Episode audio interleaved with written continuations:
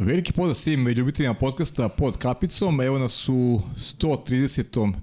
izdanju koje je posvećeno jednom e, penzioneru, novopečanom penzioneru, e, mom dragom kolegi, e, čoveku koji vas uveseljava sada i na sporu klubu u svojim stručnim komentarima, čoveku koji je dao toliko toga srpskom i svetskom vaterpolu, a davaće, siguran sam, i po završetku karijere, s obzirom da ima i velike planove, Prosto uh, nema gde nije prisutan kada je, kada je u pitanju uh, sport koji je i njemu mnogo dao, a kome je on uzvratio na pravi način. Šta drugo kažem osim da je sa mnom Nikola Rađen.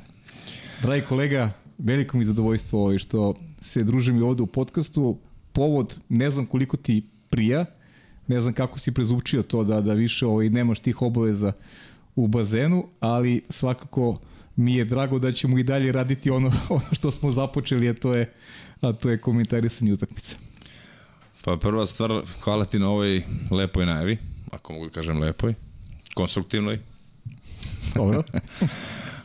Poštovano gledalci, dobar dan svima i veoma mi je veliko zadovoljstvo po ko zna koji put da gostujem ovde kod dragog kolege u podcastu pod kapicom. Pa, e, Mislim da ću sad prvi put da definitivno pričam o tome da je ovo kraj karijere. Uh mhm. -huh. I nema ovo više... Nazad? Ma nema više nazad, nema krapica okačena o klin, tako da možemo da samo da pozvonimo i da kažemo to je to je. Dobro, kaži mi kakav ti osjećaj ovaj, ili, ili, ili si, misli dobro, to je nešto što si ti generalno i, i planirao, znalo si ranije da, da, da je ovo posljednja sezona koju igraš. Pa, jeste tako, mislim, trebalo je to da bude i još i prošle sezone, ali došlo je do, do promene planova zbog uh, jedne lepe ideje koja se, koja se dešavala na bazenima 25. maja, u pitanju je bio Pro klub Stari grad. Uh mhm. -huh. I onako, to je za mene bilo ajde, neka onako lagana lagana priča da izađem iz karijere a i da pomognem tim mladim momcima, toj mladoj ekipi da ostvari rezultate da uđe u prvu Superligu.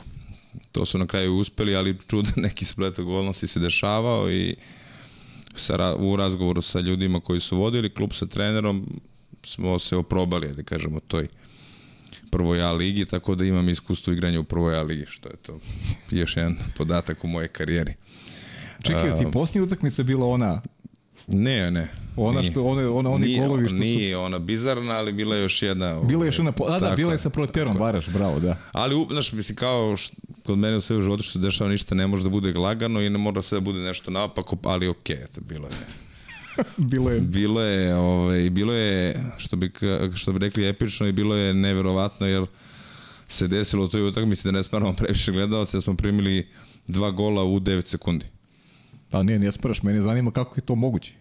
Pa tako što smo vodili 40 sekundi do kraja, oni su, mi su izgubili loptu, oni su imali posle lopte time out, na, krenuli su napad sa golmanom, znači imali su igrač više, pošto je golman mm -hmm. krenuo napad.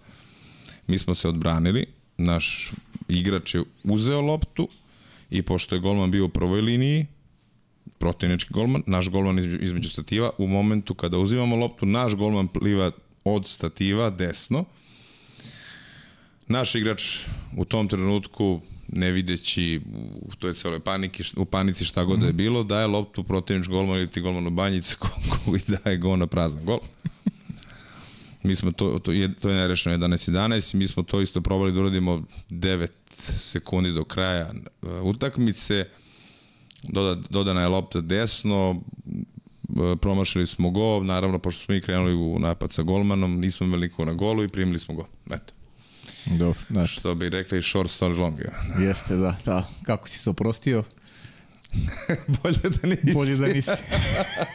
Mogu si. Šali, pa kažem, bilo je, pa dobro, bilo je istorijski, ali nije to baš bio oproštaj, to je više bilo, ajde da, da, da završimo to više. I to je vjerojatno bio i signal da se, ajde, završi više i nemoj da, nemoj da, da, da, ovaj, da nasleš dalje.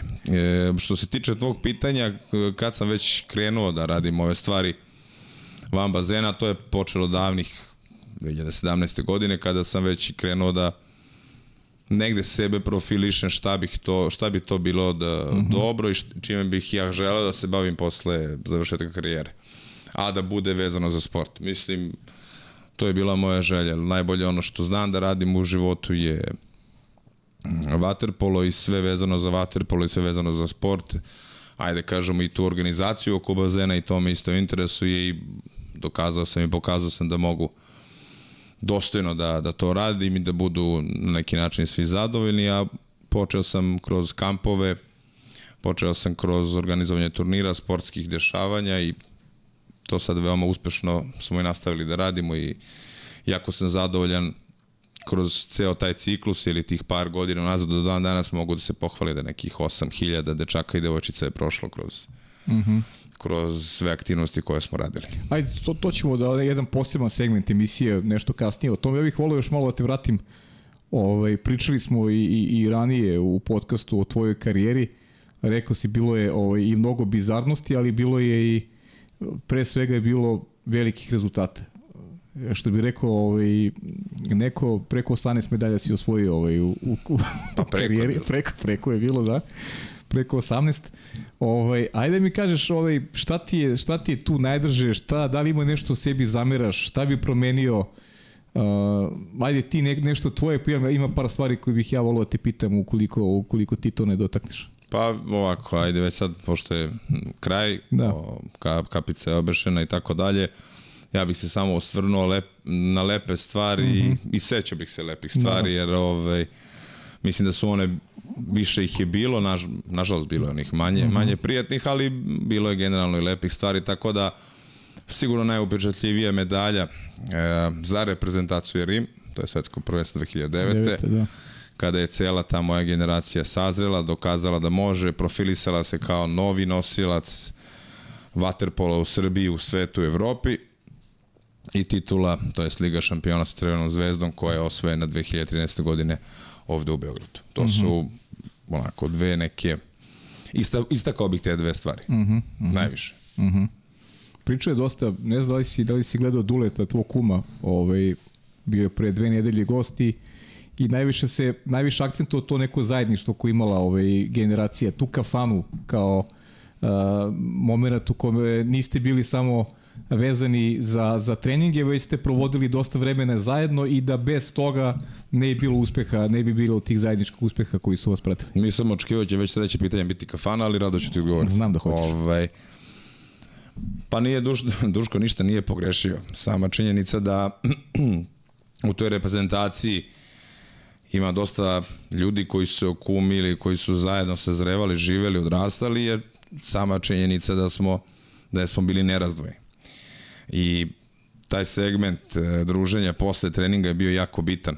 Je, jer tu smo se upoznavali, tu smo se družili, tu smo pričali i tu smo -hmm. najviše segmente u igri prepoznavali jednih, jedni kod drugih bez, bez uh, obzira da li treba da pričam ili da reagujemo. Bukvalno su se po, pogledima, po pogledima znali šta treba da radimo. Uh -huh, uh -huh. I to je jedna energija i neverovatna stvar koja je krasila tu generaciju i zbog toga smo mi bili toliko mm, moć, moćan kolektiv i tim.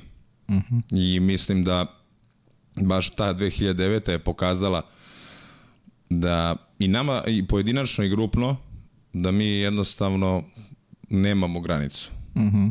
Jer svi su mislili da će to da bude mnogo slabije nego prethodna generacija koja je završila 2008. što je bilo i logično po imenima koje su zamenili te starije igrače ali mi smo ipak dokazali da je tim onaj koji dobije i da ta atmosfera koja je krasila tu generaciju se možda više nikad neće ponoviti.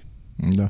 E, sinoć sam baš gledao ovaj, na, na, na sport klubu serijal onaj koji je radio Deki Stevović i baš je stiglo do, do, do Rije stigo serijal i tebe sam setio najiskrenije jer sam pogledao tu epizodu i tebi je to pripadalo realno. Uh, sad da, da, da ne pričamo, rekli smo nećemo o tim, o tim ovaj, nekim, da kažem, tamnim ovaj, momentima.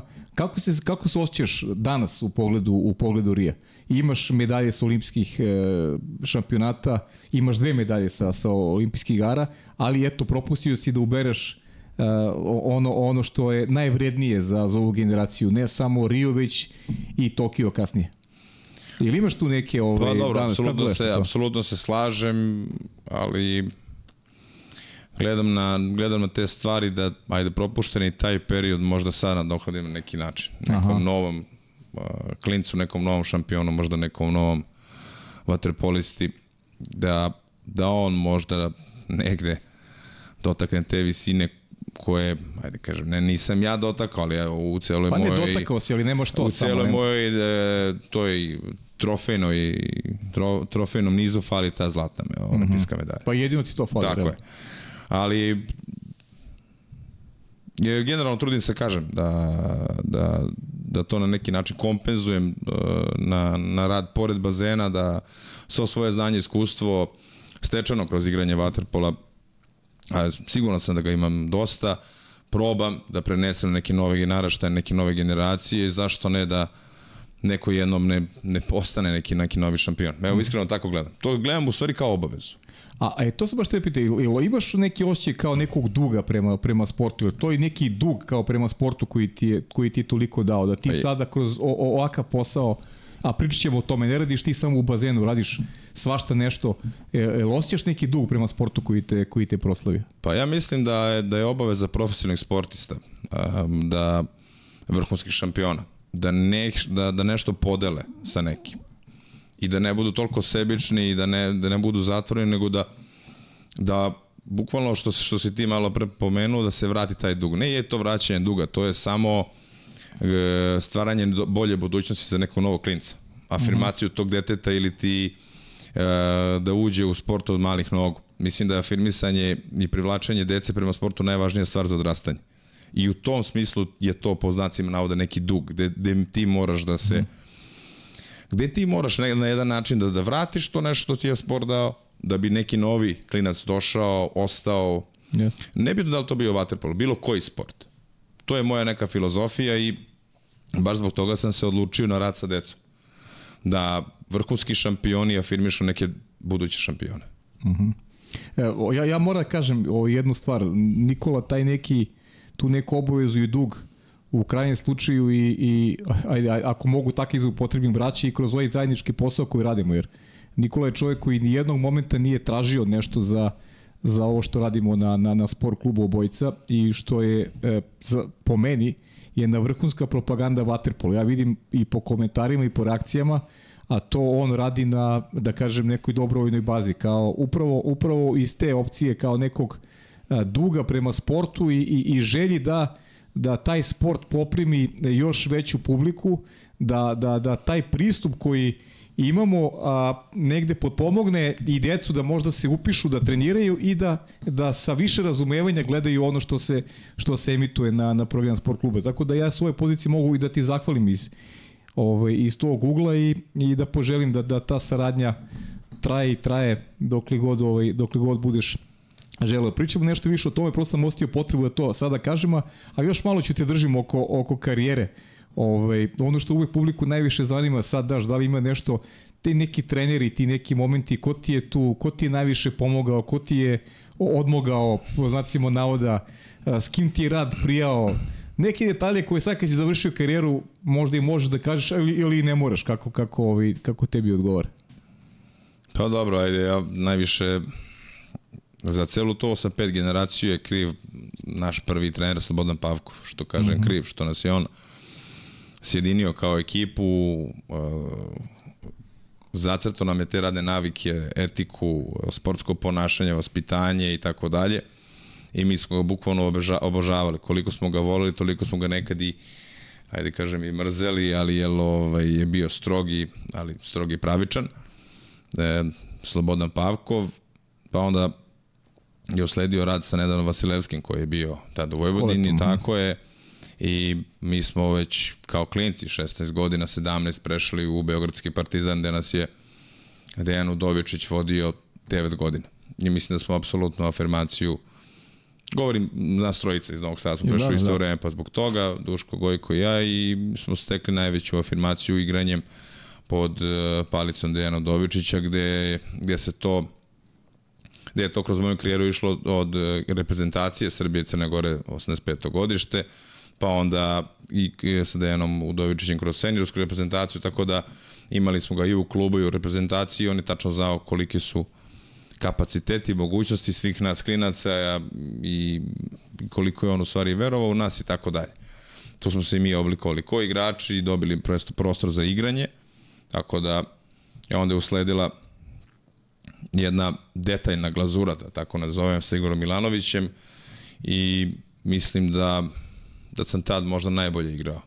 Kod Igora, Waterpolo tako je i najbolje se fizički osjećao i rezultati tog boravka pod, pod Igorom su onda kasnije i inostranstvo, igranje u Zvezdi i tako dalje, tako dalje. Mislim mm -hmm. da, naravno, ne treba, neću nikad zaboraviti i ne treba zaboraviti Dejana Savića koji je uspeo sve te karaktere, sve te različite karaktere da stavi pod, pod jednu ovaj, pod jedan kišobran i da ta sezona sa Crvenom zvezdom bude e, nestvara, nesvakidašnja. Pa da, ona jeste neka prekretnica ovaj, kada govorimo i njegovom trenerskom o, poslu, svoju titulu prvaka Evrope i sigurno mu i to dalo kao treneru a, neku neku sigurnost već u ono u ono što što treba da, da obavlja kao kao selektor reprezentacije da upravo to što si rekao da da te karaktere različite ovaj negde grupiše u jedan jedan sjajan tim koji je koji je bio dominantan i negde još ti si baš negde prestao da igraš u vreme kada je Srbija bila najdominantnija. A, kada ste imali neku seriju pobeda, mislim da ta serija pobeda prekinuta prekinuta je tek na svetskom prvenstvu u Budimpešti gde je Hrvatska pobedila recimo neka 2018. godina, tako ili 2017. nakon olimpijskih igara u Riju. Pa dobro, mi smo izgubili seriju... od Brazila, ali ako gledaš... A ne, pričamo, pričamo, pričamo o kontinuitetu osvajanja tih zlatnih medalja koji je zaista bio nestvaran. Dobro, da, okej, okay. da. slažem se. Slažem se. U stvari to je, mm, mislim da je Guangzhou. Guangzhou. Ja mislim da je bilo da u Budimpešti, to je posljednji, posljednji turnir Sandra Sukne, mislim da je tada Srbija prekinula 17. je bila... Je tako bila? Kad je bila Budimpešti? 17. Onda 17. Onda 17. Da, 17. je bila pa Guangzhou. U polufinalu, da. da. Poraz da. polufinalu od, od Hrvatske.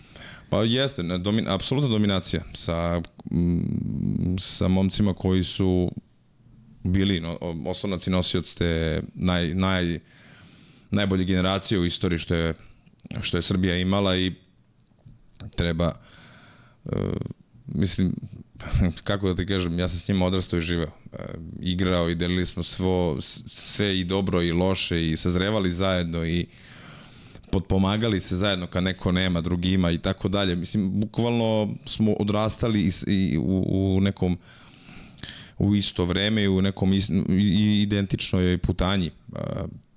Za nas je bilo, na primjer, normalno da preko leta odemo svi zajedno u teretanu, da odemo svi zajedno da treniramo. Ne mora to sad bude neko ozbiljno treniranje bazena, ali smo mm -hmm. to ono išli svi zajedno. I to smo kroz druženje radili. Mm -hmm. To smo kroz druženje radili što je nama bilo jako prijatno. I nama je u stvari bilo ajmo ono da budemo non stop zajedno. Pa ćemo vamo, pa ćemo tamo mm -hmm. i mhm. na taj način se napravila ta neka kohezija koja je kasnije bila i krasila tu naj, najsjajnu generaciju. Poklopili su se i karakteri, znači nisi ti družio s neki zato što si ti morao, neko ti to nametnu, nego prosto si te ljude u, i, i sa treninga i... Mnogo veća tolerancija je bila, iskreno ti kažeš. Je tako? Mnogo veća tolerancija je bila. I mnogo smo više cenili ono što imamo. Ja onako bit ću brutalno iskren. Mnogo da. smo više cenili ono što imamo i na neki način možda mi nismo ni bili svesni šta smo bili napravili u tom trenutku. Govorim 2009. pa kasnije, pa kasnije i tako dalje. Mhm. Tek kasnije su sledile neki onako malo ovaj, duhovi prošlosti pa su se pojavili i tako dalje da ne spominjemo te negativne stvari, ali mislim da smo mnogo više cenili ono što imamo i mnogo smo više e, dali sebe za ono što smo zaslužili. Ne kažem da to neko manje radi i tako dalje, ali takva je generacija bila da smo morali da se dokazujemo svako prvenstvo.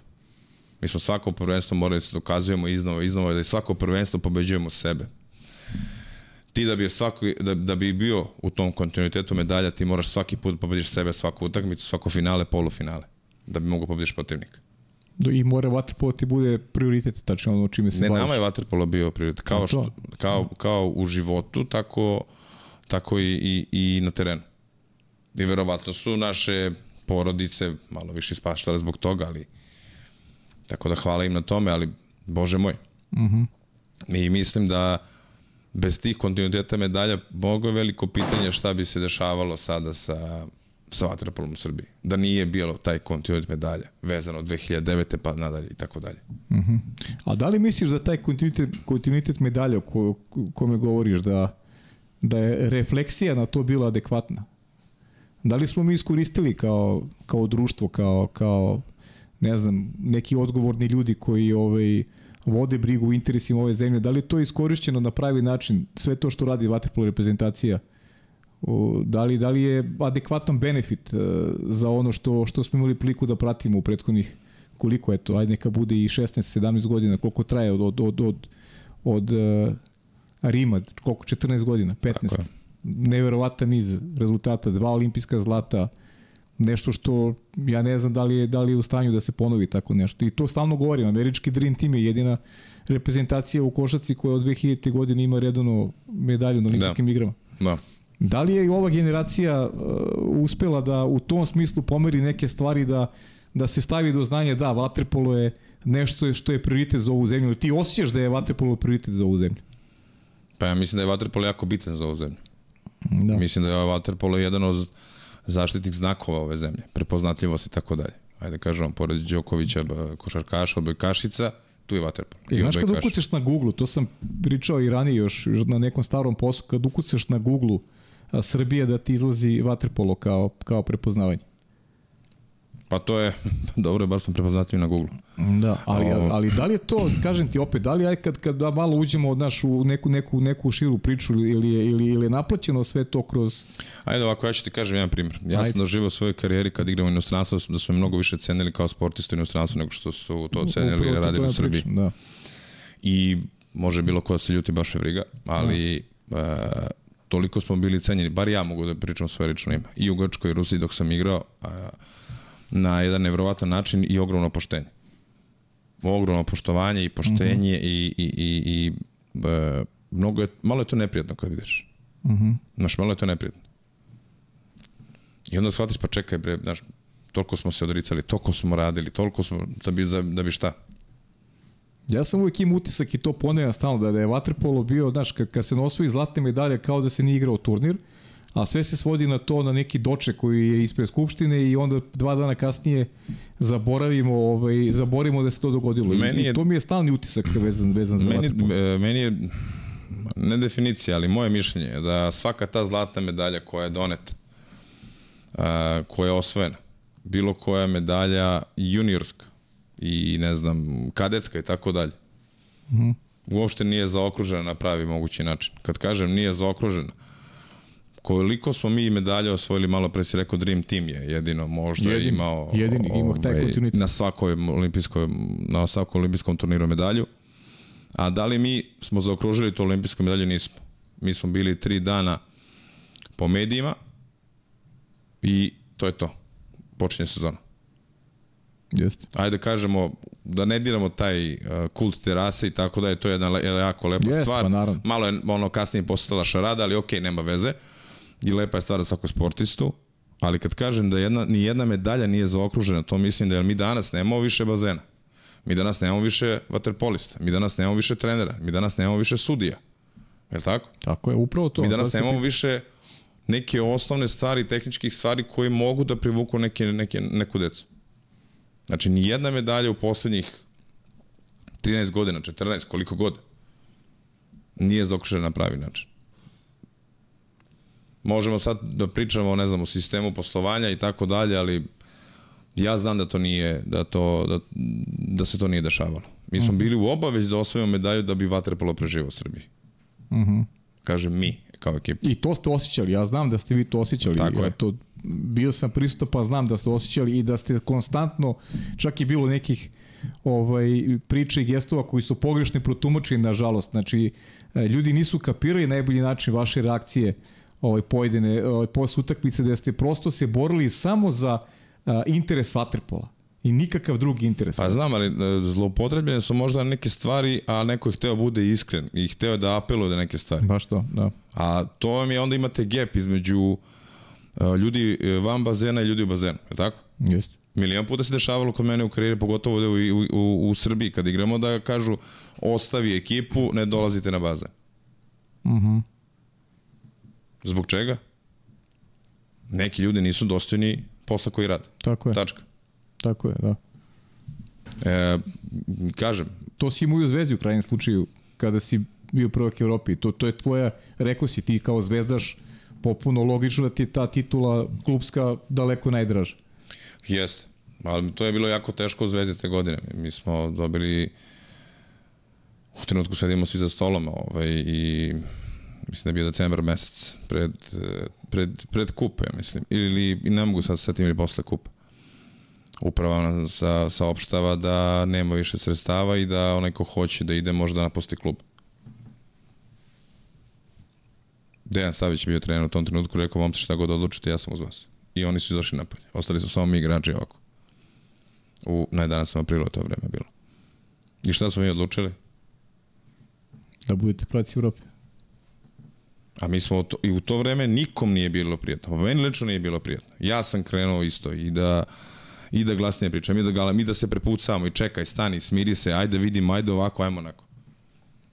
Ali u tom momentu smo stali jedan uz drugog i odlučili da idemo do kraja. I da osvojimo i kup, i prvenstvo, i titulu Lige šampiona i titulu Superkupa Evrope. Mi smo dobili naše nadoknade tek posle osvajanja Lige šampiona. Da, to je već mesec tamo. To je već jul, jul mesec. Jul mesec. Je. Tako je. A u tom trenutku su neki od nas imali porodice i tako dalje, tako dalje. Pa to je to zajedništvo koje priča tvoj kum. E sad, da li bi, da li bi to neka ekipa uradila sad u ovom, u ovom modernom vremenu? Nisam siguran. Nisam siguran. Ne znam da li, da li znam sad iz ovog ugla, da li je dobro da se toliko žrtvovati. Iskreno. U takvo vreme živimo, tako? Pa jeste, ali znaš kako, ovaj, vi kao, kao klinci imali ste prilike da, da, da, imate, da živite i primere starijih igrača koji se takođe žrtvovali. Pa ste vi prihvatili od njih nešto što ste, što ste ovaj, vaše ličnosti ste negde ovaj, kreirali na osnovu onoga što su oni preživljavaju. Jeste u njih onako gledali kao, kao neke idole, kao, kao ljude kojima verujete, na njih se ugledali, ni, ni, ni, ni starijoj generaciji nije bilo, nije bilo lako.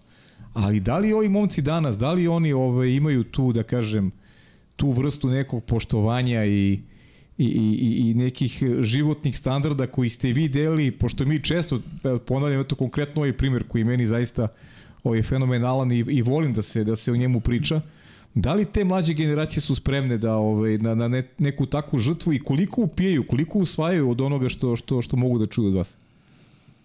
Pa jako teško pitanje, iskreno ti kažem, Pajo, ali mi, kroz, mi kada smo uh, ušli na, na vrata reprezentacije, kada smo mi zaigrali za reprezentaciju, od starije generacije smo videli kako treba i kako ne treba. Ja ću to otvoreno da kažem i sve te stvari je Vanja fenomenalno vodio i dok je bio kapitan reprezentacije i bio je pravi lider reprezentacije i nije bilo greške tu. Uh mhm. -huh. I uopšte nije dozvoljavao bilo kakvo uh, bilo kakvo istupanje iz tima, da se stavljaš ispred ekipe, egocentričnost i tako dalje. Iskreno ti kažem. Držali smo se kao tim i vodio nas je na pravi način. Što si me pitao za sad ove momke, ja ću ponoviti svoje reči od prošle godine. Oni moraju i dan danas da pronađu svoju atmosferu, moraju pronađu svog lidera, da bi bili tim. Samo bih mi to, toliko rekao i poželeo bih im sreću na predstojećim takmičenjima, neće biti lako, veliki je pritisak na njima, ne znam da su svesni toga, ali mislim da mogu kroz ovaj period da sebe izgrade i kao igrači, a i da izgrade reprezentaciju i da vrate taj imidž. Uh mhm. -huh. Jer mislim da realno moramo da prihvatimo činjenicu da je stara reprezentacija otišla, sad je neka nova reprezentacija koju treba podrška. Naravno. A tim momcima treba čisto malo onako da se dozovu pameti i da se ponašaju u skladu sa reprezentacijom i kapicom koju, koju nose. Mislim da onaj ko ne daje podršku reprezentaciji ovaj, ne treba uopšte da učestvuje uopšte u, u, u radu u waterpolu bilo kakve vrste jer mislim da je to stvarno ovaj apsurd onaj to to je da ne potrebi neku neku težu reč. Prosto. Pa nikad nikad se nije dešavalo pogotovo ovde da nije sve u sklopu reprezentacije da je krajnji rezultat bilo kog rada, trenera, generacije, kluba, reprezentacije. Vrh piramide. Je li tako? Tako je. I to je ono što, što nas je krasilo, to je ono što je bilo najjače oružje Srbije. Reprezentacija, sistem, ponašanje, vaspitanje. Nažalost, u nekom poslednje vreme su krenule neke čudne stvari da se šavaju, za koje ja nemam objašnjenje. Tvoji gosti prethodni su ovde dosta pričali o tome, imao sam prilike da slušam o tome i dalje mi nije jasno što se dešava. Neću previše da bacam akcenat na to, da ne oživljavamo te neke stvari, No, okay. ali više je reprezentacija, nažalost, onako se osipa taj ceo kult reprezentacije, što meni jako smeta. Što meni jako smeta i zbog toga sam rekao sad da momci moraju da naprave svoju atmosferu, da imaju svog lidera i da imaju svoj tim bez obzira na bilo kog drugog. Mm -hmm. To je mhm. jako važno. Jer jedino tako mogu da se zaštite od bilo kog spoljnog uticaja, faktora, ne znam nija čega. Kako zaštititi sve to od, od tih spoljnih uticaja, faktora? Dule je ovde pričao da on u te momke jako veruje i da, da smatra da imaju ogroman, ogroman potencijal, a znaš, ne se da, da je čak bilo i toliko znaš, nekih negativnih stvari uh, oko Vatrpola. U stvari Vatrpol nikad nije imao neke, neke negacije, nikad neki prlja veš nije izlazio u javnost, ne, bar, ne bar da se ja sećam, ali sada su neke stvari malo poprimile neke, neke drugačije ovaj, primese i imamo nekih, ajde da kažem, nekih aferica koje, koje se ovako provlači i kroz, i kroz medije. Koliko to utiče na, na, na, na, to o čemu govoriš, na kult reprezentaciji i na, i na ono što su očekivanja javnosti, a one podrazumevaju ajde da kažem, neki ulazak u novu seriju pobede, jer Srbija je, evo, posljednje dva takmičenja završila ne samo izove medalje, već imamo jedan debakl na, evropskom šampionatu, usledila je smena selektora, Uh, ovo je sad proces formiranja nekog novog tima, opet vidimo da nisu ni igrači svi na okupu, ima tu dosta problema, pa ajde, šta, šta ti očekuješ da se tu dogoditi? Pa na neki veoma čudan indirektan način se to dešavalo i ranije. -huh. Mhm. ali kažem indirektan način, to su bili isto neki ataci spoljnih faktora, a sada je to direktno. Mnogo direktno i mnogo otvoreno i zbog toga momci moraju da budu jaki u glavi da, ne se, da se ne obaziru na to. Ja znam da to nije lako, jer do toga i njima i zavisi i angažman u klubu i dalje karijera i tako dalje. Ali verujte mi, ako ti igraš za reprezentaciju Srbije i ako dostojno braniš taj grb i zastavu, Biće mesta u svakom klubu za tebe. Nema šta čega da se bojiš. Ta reprezentacija koja je skupljena, koju je selektor Stevanović skupio, najbolja koju, koju mi imamo. I, mo, I on je zbog toga selektor, mi moramo tako se postaviti. Kraj priče. Tako je, kogoda je selektor. Tak, ne, ne, i moramo apsolutno podršku da damo i nema tu sada da li je trebalo nije trebalo. Mi ne treba da napravimo reprezentacije vaše. Tako je. I mi nismo vaše, mi smo dvostruki olimpijski šampioni, samo da podsjetimo, tako? I tako treba da se ponašamo momci koji nastupaju za reprezentaciju moraju da pronađu način, moraju da, da vide ko će da bude lider i moraju da se zaštite od tih nekih stvari koje sigurno mnogo utiču u, u, u, u, u raspoloženju, u priči i u samoj atmosferi reprezentacije. Kažem, direktno. Ranije je to bilo indirektno. Sad je direktno. Uh -huh. I mislim da to, to će biti najveći, najveća prednost ove nove reprezentacije gde mogu da se izdignu iz svega toga i postanu ozbiljni igrači. Ajmo da razbijemo ovo se, s jednim video pitanjem.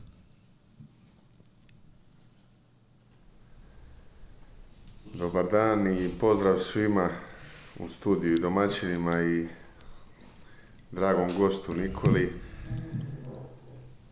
Dosta toga smo prošli zajedno, veliki dio naših karijera, a ono što bi bilo zanimljivo možda da nam ispriča kako je savladao tehniku e, smirivanja u toku mojih mjesečarenja. Sigurno da mu je na početku to bilo veliko iznenađenje i stres, a znam da se poslije navikao i da je mu je uglavnom izazivalo smijeh i da smo se uvijek sutradan smijali na taj, na moj račun šaren.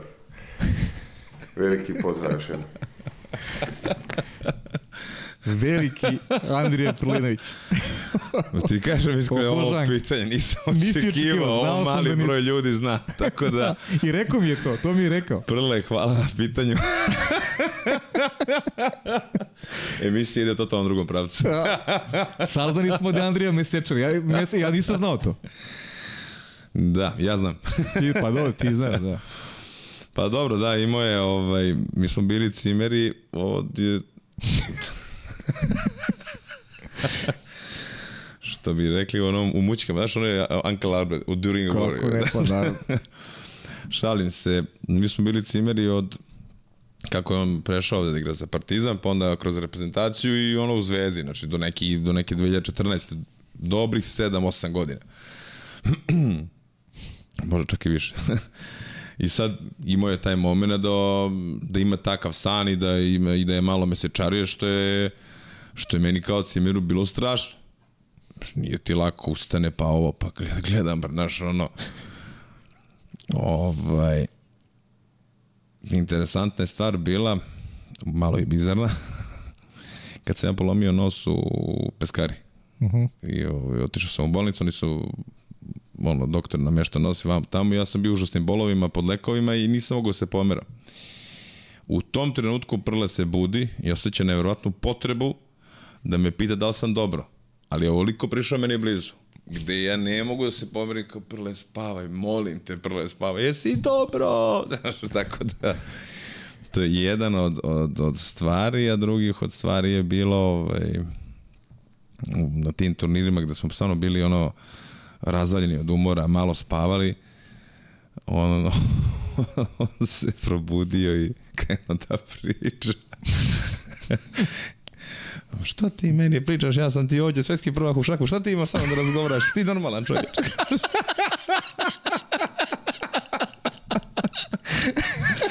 Tako da, još jednom pozdrav za brata Prleta i eto, te dve anegdote. Da, lepo. Lepo, nisam znao, pozdrav, pozdrav Prletu, ovaj, samo ti nastavi da me sečariš, ali sad pazi, samo nema Nikole da ti ovaj, da te ovaj, spašava. Da, ali ajde, pa kad smo već kod toga, onda, onda je, dok se zabljava s Ivanom, onda je Ivana mene pitala, kako ti bre čoveče to rešava? Pa ne znaš šta da mu radi. Sada njegov, sadaš njegova supruga, tako da... No. Ba, ajde, anegdote. Pa dobro, to je uvek lepo a najlepše je to što, na, to su najlepše stvari i, i ja volim i dan danas kad sedemo sa svi zajedno i tako dalje kad pričamo da, znaš, da te anegdote ponovo ovaj, prepričavamo po ko zna koji put da se smejemo i da se podsjećamo na te situacije, to je smešno, to je lepo. I to je ono što nas je činilo, realno, i to je ono što smo radili najbolje, družili se. Uh mhm. -huh. Posle bazena. I to nas je zbližavalo.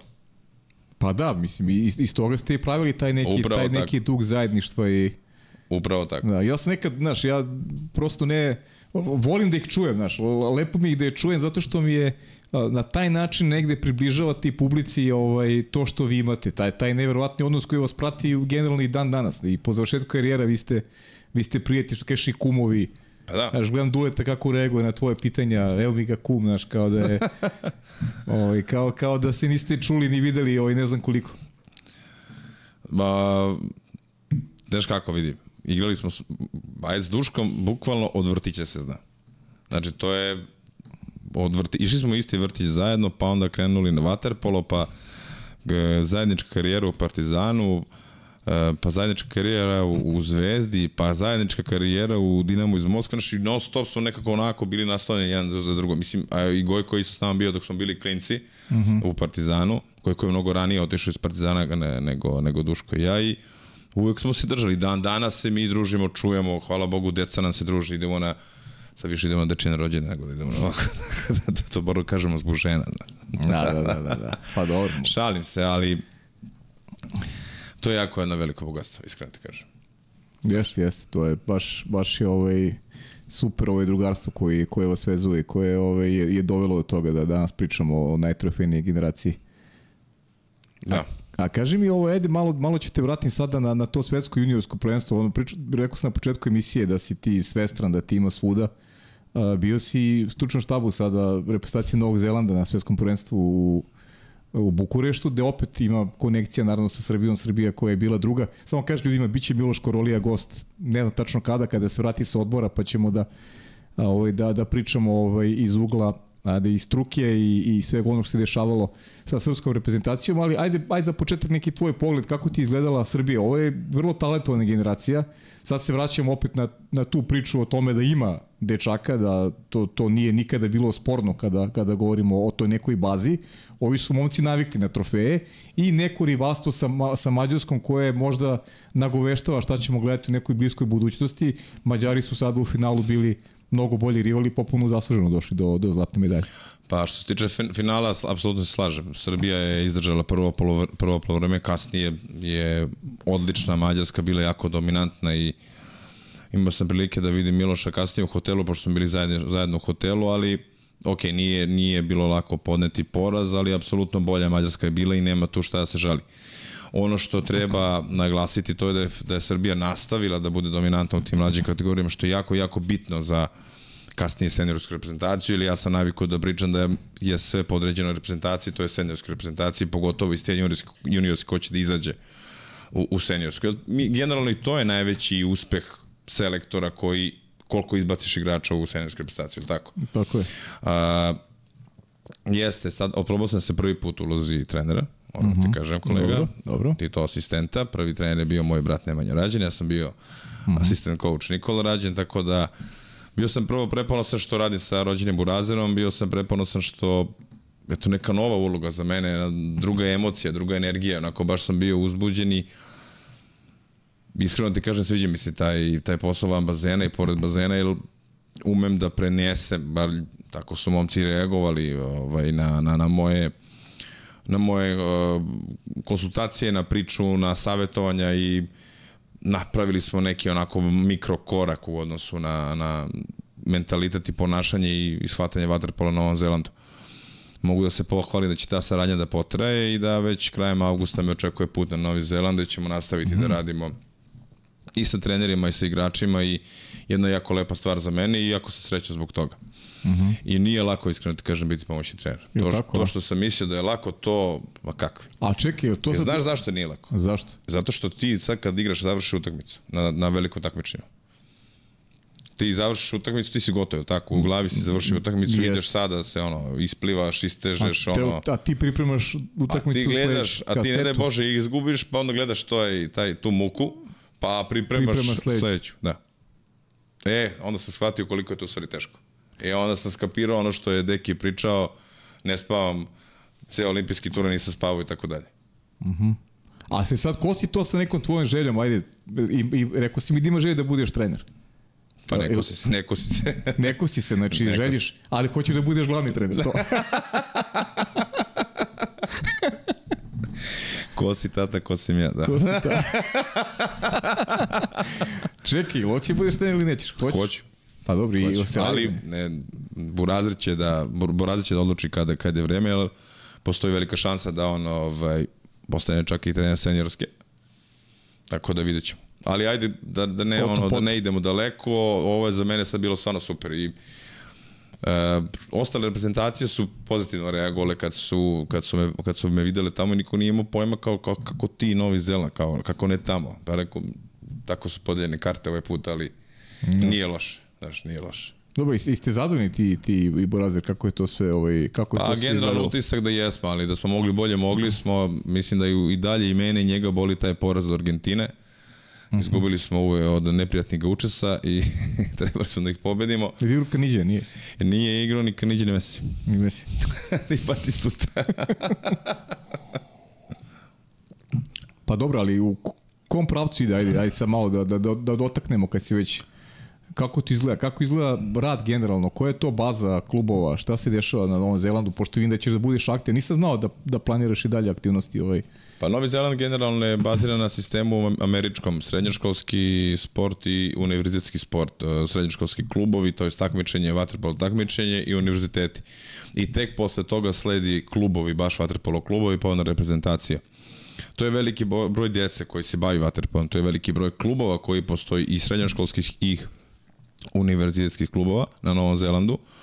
Uh, većina njih je u Aucklandu, mislim da ih ima preko 90 registrovanih. Uh -huh.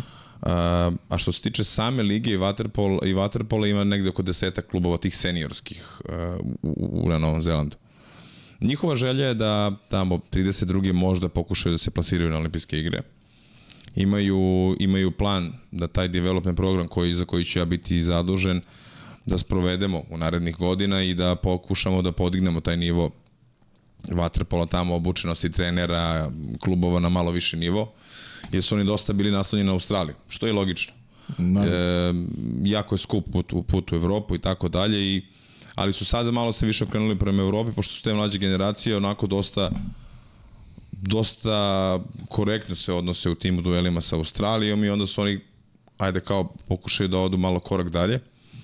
Tako da ćemo napraviti sad jednu interesantnu i dinamičnu saradnju na obostrano zadovoljstvo gde, gde će oni dolaziti u Evropu, gde ću ja dolaziti par puta godišnje Novi Zeland, gde ćemo da radimo, kontrolišemo te mlađe generacije koji jednog dana treba da stasaju upravo timci ili ti seniore mm -hmm.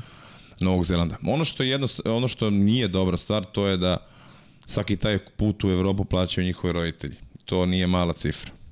I to sada promenit će, promenit će biti jako teško. Sad vidjet ćemo da ćemo to da uspemo ili ne, ali i zavisi to i od rezultata. Naprimjer, imate program ako zauzmete određeno mesto na, na prvenstvima, onda ulazite u taj high performance sport, što, što znači da je to više financija za Waterpolo savez i mnogo jeftinije roditeljima da, da, da plaćaju da im se da im deca igraju za reprezentaciju.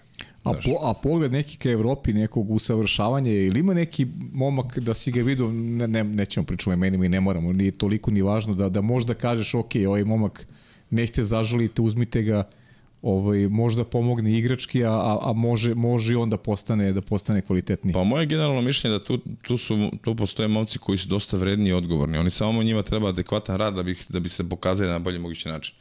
Jer nije to prava i realna slika kad ih gledate na Novom Zelandu. Oni su najbolji u svojim klubovima ili u svojim sastavima i onda kad dođu ovde u Evropu oni se uopšte ne vide. O, već, već postoji jedan igrač koji igra ovde u Srbiji i on... Je tako? Da, on u Vojvodini postoji. Uh mhm. -huh i on se profilisao kao centar da bi kasnije se shvatilo da on bolje igra beka nego centar. To je taj, ajde da kažemo, rad ili ti nerad koji je on imao tamo, pa sad ovde će da, na, da shvati kako treba to da radi. I jedna od stvari ko, za koje ću biti zadužen taj igranje u Evropi. Da većina njih proba da se da se okuša o, da se okuša u Evropi, da mhm. dođu ovde da da igraju taj evropski vaterpolo kako oni nazivaju. Ili im mhm. treba iskustvo što je jako interesantno. Tako da vaterpolo tržište ovde u Evropi je dosta veliko. Za njih je, za njih je prava uživancija kada, kada dođe u Evropu, oni to gledaju kao ekskurziju, ali ove pripreme baš i nisu bile ekskurzije. dok, no. dok smo radili ovde na 25. Ali dosta njih je, na primjer, pozitivno reagovalo na predlog igranja u Evropi. I onda bi, tu bi se napravio neki program sa Vaterpolo Saveza Novog Zelanda, bi oni im pomogli za sam taj odlazak u Evropu i vidjet ćemo u narednom periodu kako ćemo to da sprovedemo u delu. Jer mislim da stvarno ima potencijala u, generalno uh, na Novom Zelandu i samo je pitanje koja će generacija bude ta noseća za neki 4-5 godina. A sad, mi smo tek na početku, dragi kolega, nadam se da ćemo se vidjeti za jedno 2-3 godine, pa ponovo Da, da. Pričati pa, o tom. Pričat ćemo, imamo mi tema mnogo. A kaži mi šta, podraz, šta sad to znači za neki, za neki tvoj posao, život ovde, ovaj, taj, koliko bi ti vremena provodio na Novom Zelandu ili, ili to znači da se ne bi bavio makar sada teniskim poslom u Srbiji ili, ili si ostavljaš mogućnost da da paralelno radiš eto još nešto ovde i, i ovaj osim akademije o kojoj ćemo pričati kasnije. E, ja nisam nešto previše tražio neki angažman kao pitanju, ajde kažemo, trenerski angažman. Uh mhm. -huh. Što se tiče saradnja sa Novim Zelandom, ja ću njima biti ovde glavni scout ili ti glavni konsultant samo za Evropu. I svi njihovi timovi kad budu dolazili u Evropu, reprezentacija muška, ženska, ja ću biti zadužen za njih. Za organizaciju, za treninge, za sistem rada i tako dalje praćenje reprezentacije dok je u Evropi i, po, i asistiranje njihovim glavnim trenerima. Ili ti uh, pozitivna sugestija dok su ovde u Evropi. Ja ću imati par uh, par putovanja na, na Novi Zeland u, u nekim uh, dogovorenim datumima naravno, gde ćemo mi vršiti kontrolu i trenera i igrača. A proizvod toga će biti pripreme turniri koji će se odigravati ovde u Evropi. Na taj način je se za sada dinamika posljednja, pa ćemo vidjeti kako to ide. Mislim, nije lako stvarno jedna vizija daleko, pa zbog toga Jeste. moramo da napravimo. A i mislim da je ovako veliki korak, a i mislim da je mnogo rano da ja se odlučim da jednog dana se preselim tamo i mislim da još uvek o tome ne razmišljam. Što se tiče tvog pitanja vezanog za, trener, za, trener, za, za angažman ovaj, trenerski, da, i to mi ne smeta da budem angažovan kao trener, ali vidjet ćemo kada i gde. Vidjet ćemo kada i gde. Mogu tebi da kažem da postoje neka interesovanja, a to nije u ovoj zemlji, nego u drugoj nekoj zemlji Tako da lagano pričamo i vidjet ćemo kako će to Do, se desiti. Držim ti fige da bude da. onako kako Zvaći ti. Zvaći dođeš u goste. Pa to obavez, to se podrazumeva kolega. nego, nego vidim ja da idemo u smeru da će možda ovaj, morati da traži neko drugog kolegu, znaš, to me malo ovaj, nervira, ali dobro, šta da radim, bože moj. Pa pričamo, razgovaramo kolega, mislim. pa dobro, mislim, znaš, nema veze, mogu ja da se umešam u neki drugi posao, onda šta da radim. Naravno. Budem, naravno. Neki, budem neki PR kluba koji ti ovaj, vodiš kao trener. Dogovorit ćemo se, kolega, ne, ne, moramo, ne, moramo da nastavimo ja ću da te predstavim da će mi neobično biti važno da budeš tu. Na primjer. Upravo to. Da. Čime se bavi čovjek? Pa važno mi je da bude tu. Jako je bitno da bude tu. ne možeš da veruješ. Ne možeš da veruješ. da. A kaži mi, ovaj, šta si video tamo u Bukureštu? Ovaj, ima neki, neki momak da si rekao, je, ovo će bude svetska zvezda, nije važno odakle dolazi. Šta je neki to utih sad, kada vratiš film u Bukurešt nevezano za Novi Zeland, šta te impresioniralo ovaj, po pitanju tog turnira? Kom pravcu ide svetski vaterpolo? Kako izgledaju ti juniori? Pa impresioniralo me najviše ovi mlađi igrači koji nisu, koji su mlađi od 18 godina. Ima tu par nekih momaka iz Crne Gore, par momaka iz Srbije. Imaju dosta interesantnu reprezentaciju Holandjani. Holandjani, opet da. Holandjani, da. Jako, jako dobar rezultat Amerikanaca. Imaju dva dvojica Burazera, Rod čini mi se da se prezivaju. Oni su baš onako bili bum na tom svetskom prvenstvu. I neko svetsko prvenstvo je nije ono kao uobičajeno kolega prenosimo ti Ligu šampiona, pa otprilike znamo gde ćeš šta koći i tako dalje i onda na, tako i reaguju sudije. Ovo je totalno nepoznato, ulazi se u, u, u vaterpolo igru. Odbrana napad, jedno po jedno. I tako je delovalo. Do samog kraja, dok, ono, dok već nije bilo izvesno da ko će biti prva, kada kažemo, u tom finalu i tako dalje, ali meni je to bilo interesantno. Ajde da kažemo, i sudije su tako reagovali, ne znaju ko je u bazenu. Sudija iz Perua sigurno ne zna ko, ko igra za reprezentaciju. Jasno, da. tako, mislim, paradoksijan. Tako da ima, ima dosta talenata, ima dosta mladih igrača, ima dosta poten, ove, pot, potentnih igrača za budućnost reprezentacija. Hoće da kažeš imena ili... Neću. Neću, dobro. Neka, još su mladi. Još su mladi. E, ali o, ponovit ću jednu rečenicu Dejana Dovičića. Kad smo mi bili, na primjer, prvi put svetski prvaci. Kaže, to što ste uzeli taj pehar, to mi, kaže, sebe ste sad uvalili u sranje, a ti tamo stavi pip, ako treba. Da. Mi gleda ovako, kako? Sad kaže, morate još više da radite da to prodate. E, tad smo, evo sad tek... Kapira znači tako reči, ja. Tako mm. je. Tako je. Kaže, šta nam priča, Dejan, pa mi smo kao svetski prvaci, baš tako kao da. U stvari sve, sve je čovjek bio upravo. Pa da, i rezultat svega da, je... I onda je naš rekao, kao, nemoj da dozvoli da vas neko zajebava. Da, da. Sa tim. U stvari je čovjek bio sve upravo kada je to govori. Pa da, to je junijski konkurencija samo Oskar, samo neki pokazatelj uh, onoga što možeš. Tako je. A ta potvrda je mnogo teža, mnogo teža od, od, od, od, od, od trenutnog nekog stanja i, i, i te slave koju možda osjećaš kao, naravno, kao mlad čovjek. Naravno, naravno. Pa ne, tero nas je da, da, da idemo još dalje. Znaš, ok, ajmo dalje. Sad ukazali ste se ovde, ajde dalje, ajde dalje, ajde dalje. Da, pa nešto je dobro za ovu junijsku reprezentaciju, nju je vodio i, i Uroš Stevanović pre, pre Miloša Korolije. Za njih je dobro što su oni ponavljaju, naučili se da se ponavljaju. I si gledao i meč sa Hrvatskom? E, jesam, gledao sam, gledao sam u hotelu. 11-7 i onda neverovatna četvrta četvrtina, da. Znaš, vrati se posle 7-11, verovati da možeš, to je stvarno... To su, to su probali vamo i protiv Mađara, ali nažalost nije prošlo. Tri dobre odbrane za redom i onda je bilo neko isključenje, ali uh, ta poslednja četvrtina može bude baš dobar materijal za analizu. Evo sad ja kao onako veliki trener mogu to kažem. Ne, pa dobro. Šalim se. E, nisu, napravili su razliku između prve i četvrte četvrtine kao da su dve, dve ekipe sedam vrhunsko odigranih odbrana i postignuta četiri gola i na kraju pobjede. Što je neverovatno. Mislim, to je baš onako za, za analizu i za ozbiljan respekt i gde su momci tu onako dosta individualno pokazali lepih stvari. Tu se moglo videti kako, kakve su karakteristike igrača u tim nekim ne, krucijalnim momentima ili tako da ih ne zovemo gde su se jako lepo poneli i onda su tu isplivali neki novi igrači. Neki golovi, odbrane i tako dalje. Da, to što si rekao, to neki, da. neki klinci koji tako nisu je. bili deo ovog tima, ali su pokazali tako da, je. da imaju budućnost. Tako je, mm. tako je. Da, dobro, mislim da je znam u principu na koga, na koga sve aludiraš, ali ostavit ćemo onda u duhu onoga što si ti rekao, da. nećemo pričamo da pričamo imenima, svako slučaju lepa najava, ajde da kažem, nekog, nekog leta. Uh, u uvodnom delu emisije smo se malo dotakli, reprezentacija je prvi put igra kvalifikacije za evropsko prvenstvo. Da sad stavimo po strani ovaj, sve te, da kažem, uh, vetrove bočne koji, koji postoje očigledno i mislim da, da je to sada i, i savršeno jasno. Nažalost, ovaj, ne mogu to da prihvatim kao, kao nešto što je normalno, naprotiv, uh, jer treba svi da budemo ujedinjeni u reprezentaciji da radimo na tome da, da, da reprezentacija a, bude ovaj na vrhu u piramide u svakom pogledu nevezano ko se gde nalazi.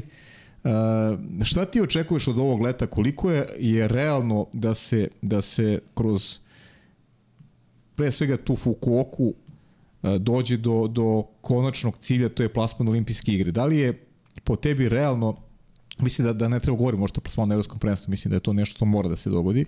I onda imamo završenu svetskog kupa u Los Angelesu i Fukuoka, a, gde ni selektor Stevanović, ni igrači ne kriju da im je cilj da idu do kraja. A, ideš do kraja, podrazumuje ulazak u finale, samim ulazkom u finale ti si vizirao odlazak, e, olimpijsku vizu si vizirao i to je nešto i prioritetni cilj. Kako ti vidiš tre, o, ovu ekipu, da li ona kadra i, i, i kako vidiš generalno konkurenciju u kojoj, u kojoj trenutno ovaj, funkcioniše e, Srbija kada pričamo o svetskim vaterpolovodama? Pa ono što moraju da, ono kako moraju da se ponašaju momci i ono kako bi trebala reprezentacija da, da izgleda na, na svetskom prvenstvu u Fukuoki je to da moraju da igraju sada na sve ili ništa. Kao da je svaka utakmica poslednja, jer mislim da imaju jako lepu šansu sada da uđu u ta prva dva. Zato što te kasnije u nekom razigravanju i ne da Bože doigravanju na, u, u Dohi, imamo situaciju ako Amerikanci budu u prva dva, da se otvara još jedno mesto za Kanadu i za Brazil, s tim što se smanjuje mesto evropskim ekipama. Tako da je bolje sada napasti, dati sve od sebe, pa mislim nije ni strašno ako ne uspe, bar pa- znamo da, da, da šta se desilo, ili kasnije imamo samo prvo mesto u evropskom prvenstvu i ponovo Ja ne mogu setiti dva mesta Dohi. ili tri. Pa to zavisi od toga kakav bude bio plasman u Dohi to će povlači rezultat iz Fukuoki. Tako je. Tako da mislim da treba ono što znamo, to je da budemo prvo da u, u, u Fukuoki. Tako je. I treba to gledati, treba se to, tome tema streniti, a ne treba, mislim, stremiti. Malo je previše pritisak taj kao, kao neće biti olimpijski igara, neće, pa biće teško. Ali treba verovati da će biti. Evidentno Biće jako biti. teško tim momcima, ali za to su se opredelili, za to su trenirali, zbog toga nose kapicu, zbog toga će slušati himnu Srbije i mi treba samo da im damo podršku. Uroš Stevanović je izabrao najbolje, poveo širi spisak da bi mogo da kombinuje tokom celih tih 40 dana koliko su van Srbije. Ja, ja ajde kažem i verujem u te momke i želeo bih da, da ostvare najbolje rezultate i da se, da se više izdignu kao ekipa mnogo je toga bilo negativnog oko reprezentacije posle tog splita da je stvarno bilo onako mučno. I ti i ja smo milion puta pričali, Just. analizirali i kroz podcaste e, dok, dok je trajalo evropsko prvenstvo i mislim da treba malo da se skupe i da je ovo jako bitan i krucijalan moment i za njih kao profesionalne vaterpoliste i za reprezentaciju. Da, ono što ono što je što je problem, ajde, moramo pričamo o nekim o nekim objektivnim ovim problemima i stvarima koje su se dešavalo momenta kad je Uroš Stevanović preuzeo reprezentaciju. Ti e, nemaš još ni jedan zajednički turnir gde, gde je reprezentacija bila kompletna. Znači, ova nova ekipa još nije uh, igrala zajedno ni na jednom turniru. Uh, u Podgorici nije bilo Nikola Jakšića, gde, gde je Manda igrao fenomenalno, gde je bio pravi vođa, stvarno se nametno kao pravi vođa i baš smo i komentarisali te utakmice, baš neka dobra energija. Uh, Pritom njega nije bilo na onoj, na onoj turneji po, po Americi. Tada je bio Jakša.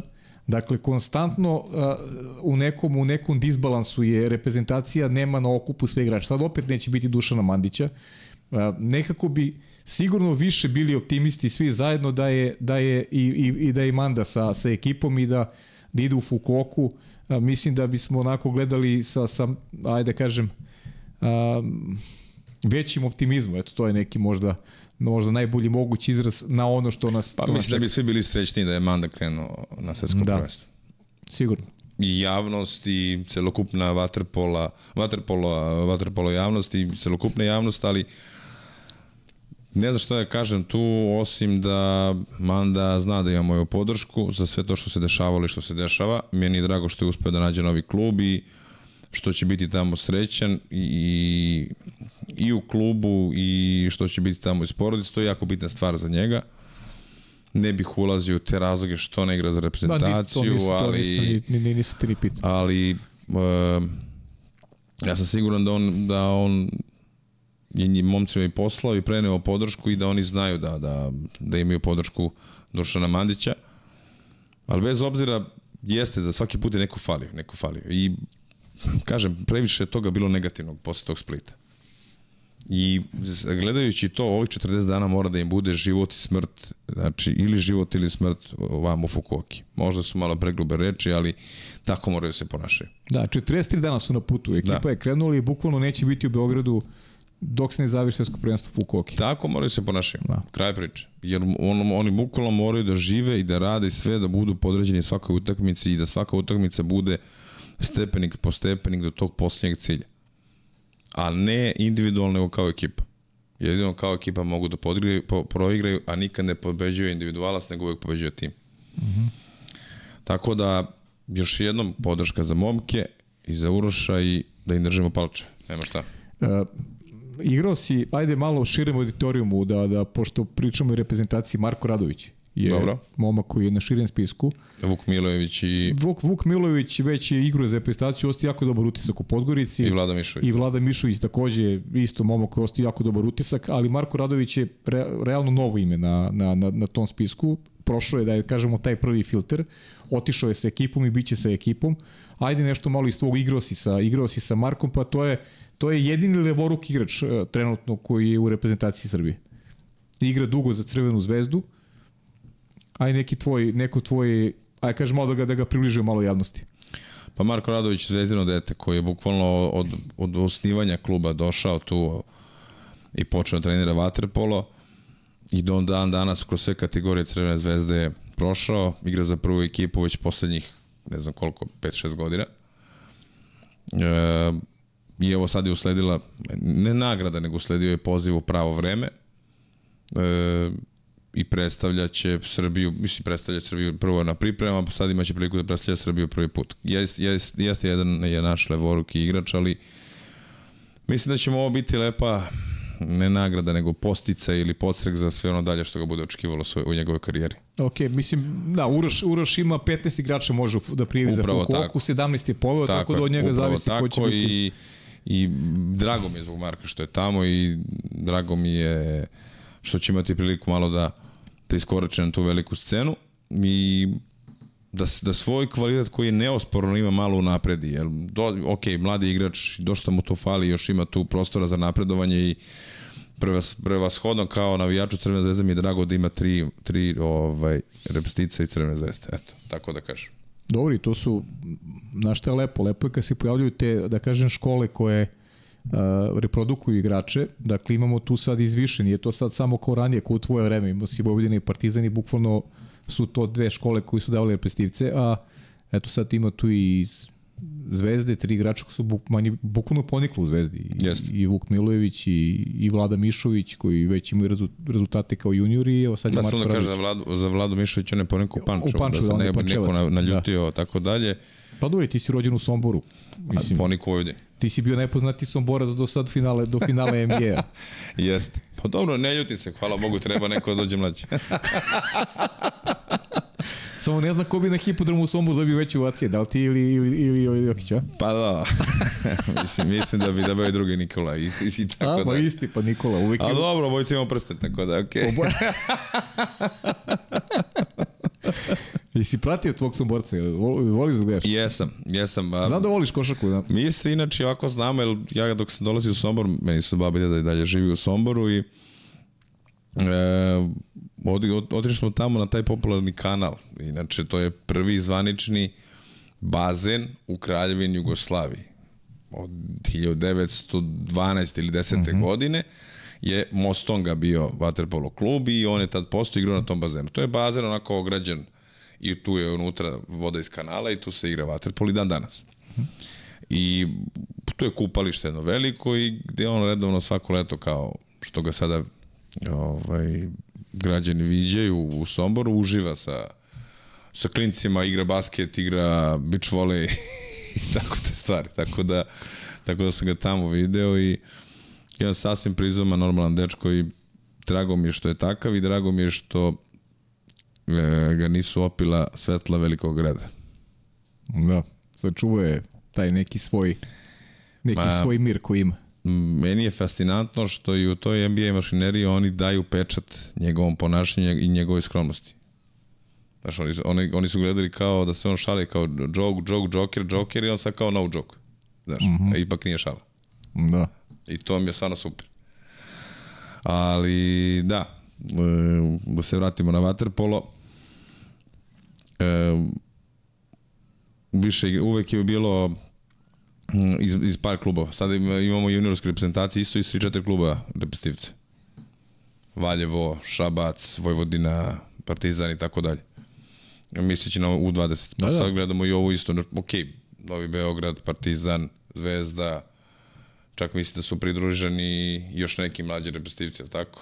Ili greše? Mnogo je važno da, da, da ta baza u, ajde da kažemo, u unutrašnjosti da postoji, znaš. Da, da, da, da tu ima djece koja, Šabac koji fenomenalno radi, uh, radnički ima, Valis ima. Jeste, znaš, to je, takođe. To da. je mnogo važno da, da postoji, znaš, da nije samo koncentracija Šta se dešava sa, sa Vojvodinom u tom pogledu? Jesi, koliko si ovaj, upućen? Pa ništa, uh, ženska vaterpolo ekipa šampion države. Šap, da, to Vojvoda da, mislio sam na, mislio sam na mlađe kategorije. I mislim da je to... Će na, se pojavi neki novi da je, da je to, Mislim da je to najsvetija tačka ovdje. Ženski da, vaterpolo Da, da. I to su ljudi prepoznali koji su preuzeli danog dana Vojvodinu i i to su akcentovali na pravi mogući način gde su gdje je Vojvodina sad, ne znam koliko puta zaredno bila prvak. Nažalost, došlo je do smene upravo i upravo i neka nova garnitura je došla ljudi. Sada mislim da pokušavaju da forme tim i da naprave e, dobar tim za Super ligu i ova Popović je bio prošle godine trener, ne znam da da ostane kao trener, ne znam šta se dešava, iskreno ti kažem, ali znam da imaju kapacitete dece ali mislim da nis, nisam siguran koliko, koliko te mlađe kategorije su produktivne na koji način i tako dalje. Iskreno da kažem, nisam ih nešto puno vidio na ovim završnim turnirima koji su dešavali sada uh mhm. -huh. tokom uh, kraja maja i juna meseca. Miksa, možemo da vidimo i drugo pitanje? Pozdrav za kolege i pozdrav za sve u studiju. E, pre samih pitanja hteo bih da se zahvalim e, Nikoli i Paji na dosadašnjim ovaj, prenosima vaterpolo utakmica. Konačno smo dobili nešto što u vaterpolu do sad nije viđeno ovaj, u, u tim TV prenosima. Nadam se da ćete nastaviti tako. Želim vam svu sreću i da nastavite da budete tako duhoviti kao i do sada i objektivni pre svega. Što se tiče pitanja, e, prvo pitanje je vezano za Vaterpolo kamp. Akademije talenata, konkretno od prošle godine, trening koji je trajao, pa ja bih rekao jedno 3 sata, preko 3 sata možda za klince od 15-16 godina, da nam Nikola malo pojasni više zašto je tako bilo. I drugo pitanje za Nikolu je poslednja njegova sezona u Zvezdi i utakmica u Berlinu, ove, čuveni gol na utakmici protiv Špandaua i, i, i posle utakmice, da kažem, ajde nazovi proslava pobede sa navijačima Zvezde u Berlinu. Pozdrav svima još jednom, ćao. Pozdrav za... Hvala. Hvala Bakiju. Ajde, da ti čujem sad. Dobro, kolega kad ubode, on ga stvarno ubode, da. Pa da. Dobra su pitanja. Mislim da će ova, da će ova epizoda biti samo usmjerena ka pitanjima i odgovorima, što je super, realno. Anketirat ćemo to. Da. E, pitanje je da, kamp u Požarevcu prošle godine, Waterpolo kamp, imali smo veću grupu iz Kotora, pa su to bili onako pomešana, pomešani dečaci iz raznih krajeva sveta. Jeste, trening trajao 3 sata. I to je bukvalno bilo za njihovo dobro. Iskreno ti kažem, jer su, jer su nesvesno izdržali neke stvari koje nisu ni sanjali da mogu da izdrže. I to je ono bio pokazatelj, evo vidite momci da trening od 3 sata ne predstavlja problem, problem nego je to vam samo u glavi. Trening od 3 sata je trajao zbog toga što taktika e, koja se radila ili ti razvoj kontranapada nije bio kako treba i onda su ušli u, ja bi to nazvao ovaj, hi, higijenu glave, jer onda bile su u pritanju duple, i onda su krenuli plivali duple, plivali duple, pa nismo mogli da isplivaju i onda smo na razne varijante hteli samo da dođemo do njih, da dopremo, da kao ekipa završe taj trening. I tek posle 3 sata su onako ekipno svi završili trening i, ovaj, i kad su pitali koliko je, koliko je bilo sati, nisu mogli da vjeruju da je prošlo 3 sata treninga. Čak su i građanstvo je bilo skočilo, plivalo preko nas i tako dalje, tako dalje. A što se tiče ove proslave u Berlinu, da, ja sam bio postigao taj neki gol 9-10 metara, Bakša na golu Špandau, a reagovao na mah i ja sam iz polu maha pustio taj, taj bliži ugol. Onako, lopta je dosta imala čudnu putanju, nije ravno putovala, nego je ovako upala u gol. I niko to nije očekivao, a ovamo je iza pucala kontra 1-0. A Dejan je ovako, ovako radio. Samo da ne gleda. Ali eto, hvala Bogu, bio je go. A proslava je bila dosta dinamična i komična, gde smo sedeli u španskom restoranu sa našim ljudima i navijačima crvene zvezde, pa ostavit ću ovo ma, maš, da, da gledalcima mašti na volju da... Kako to izgledalo? Da, da. Mnogo toga mašti na volju, ali dobro, ajde, nema veze. E, Zvezda Partizan, i osvajao si titule i sa jednim i sa drugima, bio si prvak Europe i sa, i sa Partizanom i sa Zvezdom. Ovaj, znam da si zvezdaš, ali kako ovaj, komparaciju praviš na, na, na toj relaciji? Na duši u različitim fazama karijere e, si bio što u jednom, što u drugom klubu, ali jedan si od redkih, u stvari uz Duška i Andriju. Ovaj, i, jedin, I Denis. I Deni, ne, ne, a, ne, Denis nije bio prvak Europe sa Partizanom. A dobro, ali je bio ali, jedan, ali, jedan i drugi dobro. Da, da, ali, ali bio predano Zvezdi, ali ste vas trojice bili prvaci Evrope i sa dobro, Partizanom da. i sa Zvezdom, da, to je baš onako redko, ja ne vrlo da će ikad više u istoriji sporta ponoviti ove ljudi koji će biti Nemoj sa Partizanom i Zvezdom. Nemoj sad derbi to govoriš. Da, da. Šalim se. Pa dobro, je Partizan, mi, eh, ajde da se vratimo malo ono par koraka u nas. Mi smo bili, nas trojice smo bili kao kroz reprezentaciju, to je Duško i Gojko godinu dana pre mene su bili pozvani u tu reprezentaciju Jugoslavije 2001. godište, 8-3 generacije i učestvovali su na Evropskom prvenstvu u Hagenu, osvojili su bronzanu medalju. I 2002. godine sam se ja preključio toj istoj generaciji na Evropskom prvenstvu u Bariju. I te 2002. godine su počeli ti pregovori da mi pređemo u jedan od klubova. Bili su aktualni Crvena zvezda, Niš i Partizan. E, Crvena zvezda je prvo stupila u kontakt sa našim roditeljima i pričala i razgovarala i tako dalje i načelno je to bilo dogovoreno. Načelno.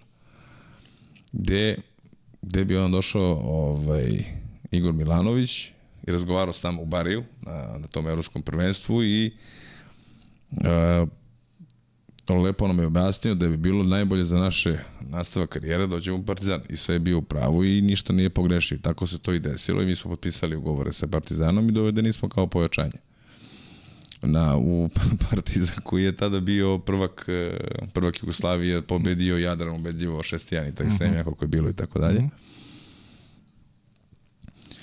I ja gledam na taj period igranja u Partizanu kao veliku, veliku životnu školu, vaterpolo školu, afirmaciju kao igrača, kao čoveka i tako dalje. Jer otisnuti se, otisnuti se sam, ajde ne mogu kaže sam, ali otisnuti se sam kao maloletnik u, u grad, u milionski grad je za mene bilo jako šokantno. Sva sreća, pa smo, bilo je nas trojica zajedno, pa smo živjeli tih prvi godinu dana zajedno i nije mala stvar gledam sad ove današnje generacije koje koje pokušavaju i hoće kao da se baje vaterpolom i sve su podredili vaterpolom, prag tolerancije im je mnogo, mnogo, mnogo nizak. Jako se rano odustaje, jako se puno, e, puno stvari smeta i tako dalje. Jer vi ako se opredelite za profi sport, to nije mala stvar. To je put koji je mnogo težak i možda se neće doći ipak do, do vrha. Razumete? Mi tad smo dali, e, dali sve od sebe da uspemo, da se potrudimo da budemo vrhunski šampioni. Malo smo imali sreće možda 2006. godine što se taj proces ulazka u reprezentaciju ubrzao kada se Crna Gora odvojila od Srbije. Bilo je, postalo, i bilo je više mesta za nas. Jeste. Moramo da budemo realni, ili tako? Tako je. Takođe, vreme je radilo za nas i prostor kada je Partizan otpustio većinu nosilaca igrača, starije generacije, Vanja Živko, ne znam, Boba Nikić. Boba Nikić je bio tada, um, sad ne znam koga, Krolija, Mihajlo je bio, ne znam, Vlatković i tako dalje, Manojlović, bilo je baš njih dosta. Svi su oni bili otišli iz ekipe da bi mi mlađi igrali. I to je isto nama došlo jako bitno moment u karijere. Gde da. smo mi igrali tad Ligu šampiona, bili smo balavci, balavanderi. Uh mhm. -huh. Znaš, i sad zamislite sa tim potencijalom koji nismo ni znali da imamo Dejan Odovičić je verovo u nas klince, bacio nas u vatru i to je bila možda i najbolja stvar koja se desila. Da, pa će kaže da je potreban malo i, i faktor sreće. Pa ne mogu kaže faktor priče. sreće, mogu samo kaže da se malo poslože stvari na, na, na vašu vodenicu. Pa dobro, to je to. Znaš, nema tu sreće kada, kada neko otera igrača, ti moraš da njega zameniš. Ne, ti imaš tal, pa dobro, da, slažem se, ali, Razumeš, ali, ali, opet, znaš, Znaš kako ide ono, do, do jednom nesmrtne, drugom nesvane, to je stara, stara posledica. Znam, ali ka, mislim, objektivno pričamo kako je bio razvojni put. Da, da, da. Ok, okay ne, siguran sam ja da i svakom nekom mladom klincu se poklope neke stvari, tako? Ne igra dobro u klubu, pa proigra u reprezentaciji, pa mu se vrati samopouzdanje. Mislim, sad malo možda i karikiramo, ali to je jedan taj razvojni put koji je kod nas uh, i očigledan. Smo mi bili u klubu i u reprezentaciji. Ja sam, ne znam, pre par godina možda prvi put otišao na more. Otišao sa klincima ovaj, na, na planinu i tako dalje. Ja, pričamo o tome. Nemate slobodno vreme. Imate stvari slobodno vreme iz, ono, posle utakmice to je to. Tako da, ako klinci neki mlađi ovo gledaju, ako ste se opredelili da igrate vaterpolo, morate da se podelite i takvom životu i takvom ponašanju i upornošću. A dosta njih je sticam okolnosti znamo odustalo, pre, promenilo puno klubova, trenera, uvek je neko drugi bio kliv i tako dalje, tako dalje. Nije ovo kritika, nego kažem da je generalno prag tolerancije mnogo manje. životna lekcija, tako da. Je. da. Tako je. A što je prag tolerancije manje? Šta misliš, šta je to, ovaj, šta je uzrok tome? Da li, da li se toliko promenilo i neko društvo, okolnosti u kojima se živi, pa, pa ovaj, manje ima, ajde da kažem, manje su ljudi spremni da, da, da pruže taj neki dodatni napor ili ili prosto ovaj, ima tu i neki drugih momenta? Pa mislim da tu ima više momenta novog, novog 21. Eh, veka i toga da je sve tim generacijama nakon dohvat ruke omogućeno ime. Realno, klinci danas, većina njih u stvari nije uskraćena za bilo šta, je tako? Uh mhm. -huh. I mi moramo da se pomirimo s tim i da vidimo kako u ovom vremenu afirmisati decu i zadržati ih na sportu. Jer danas deca odustanu ovako, on se vrati kući igri igrice. Je tako? Ranije nije bilo baš to tako da, bože, vamo, kad je teško, on se vrati kući i onda bude okej. Okay. Nego su i roditelji bili toliko uporni, idi, idi, idi, idi. I bilo je sramota kada te trener izbaci iz treninga.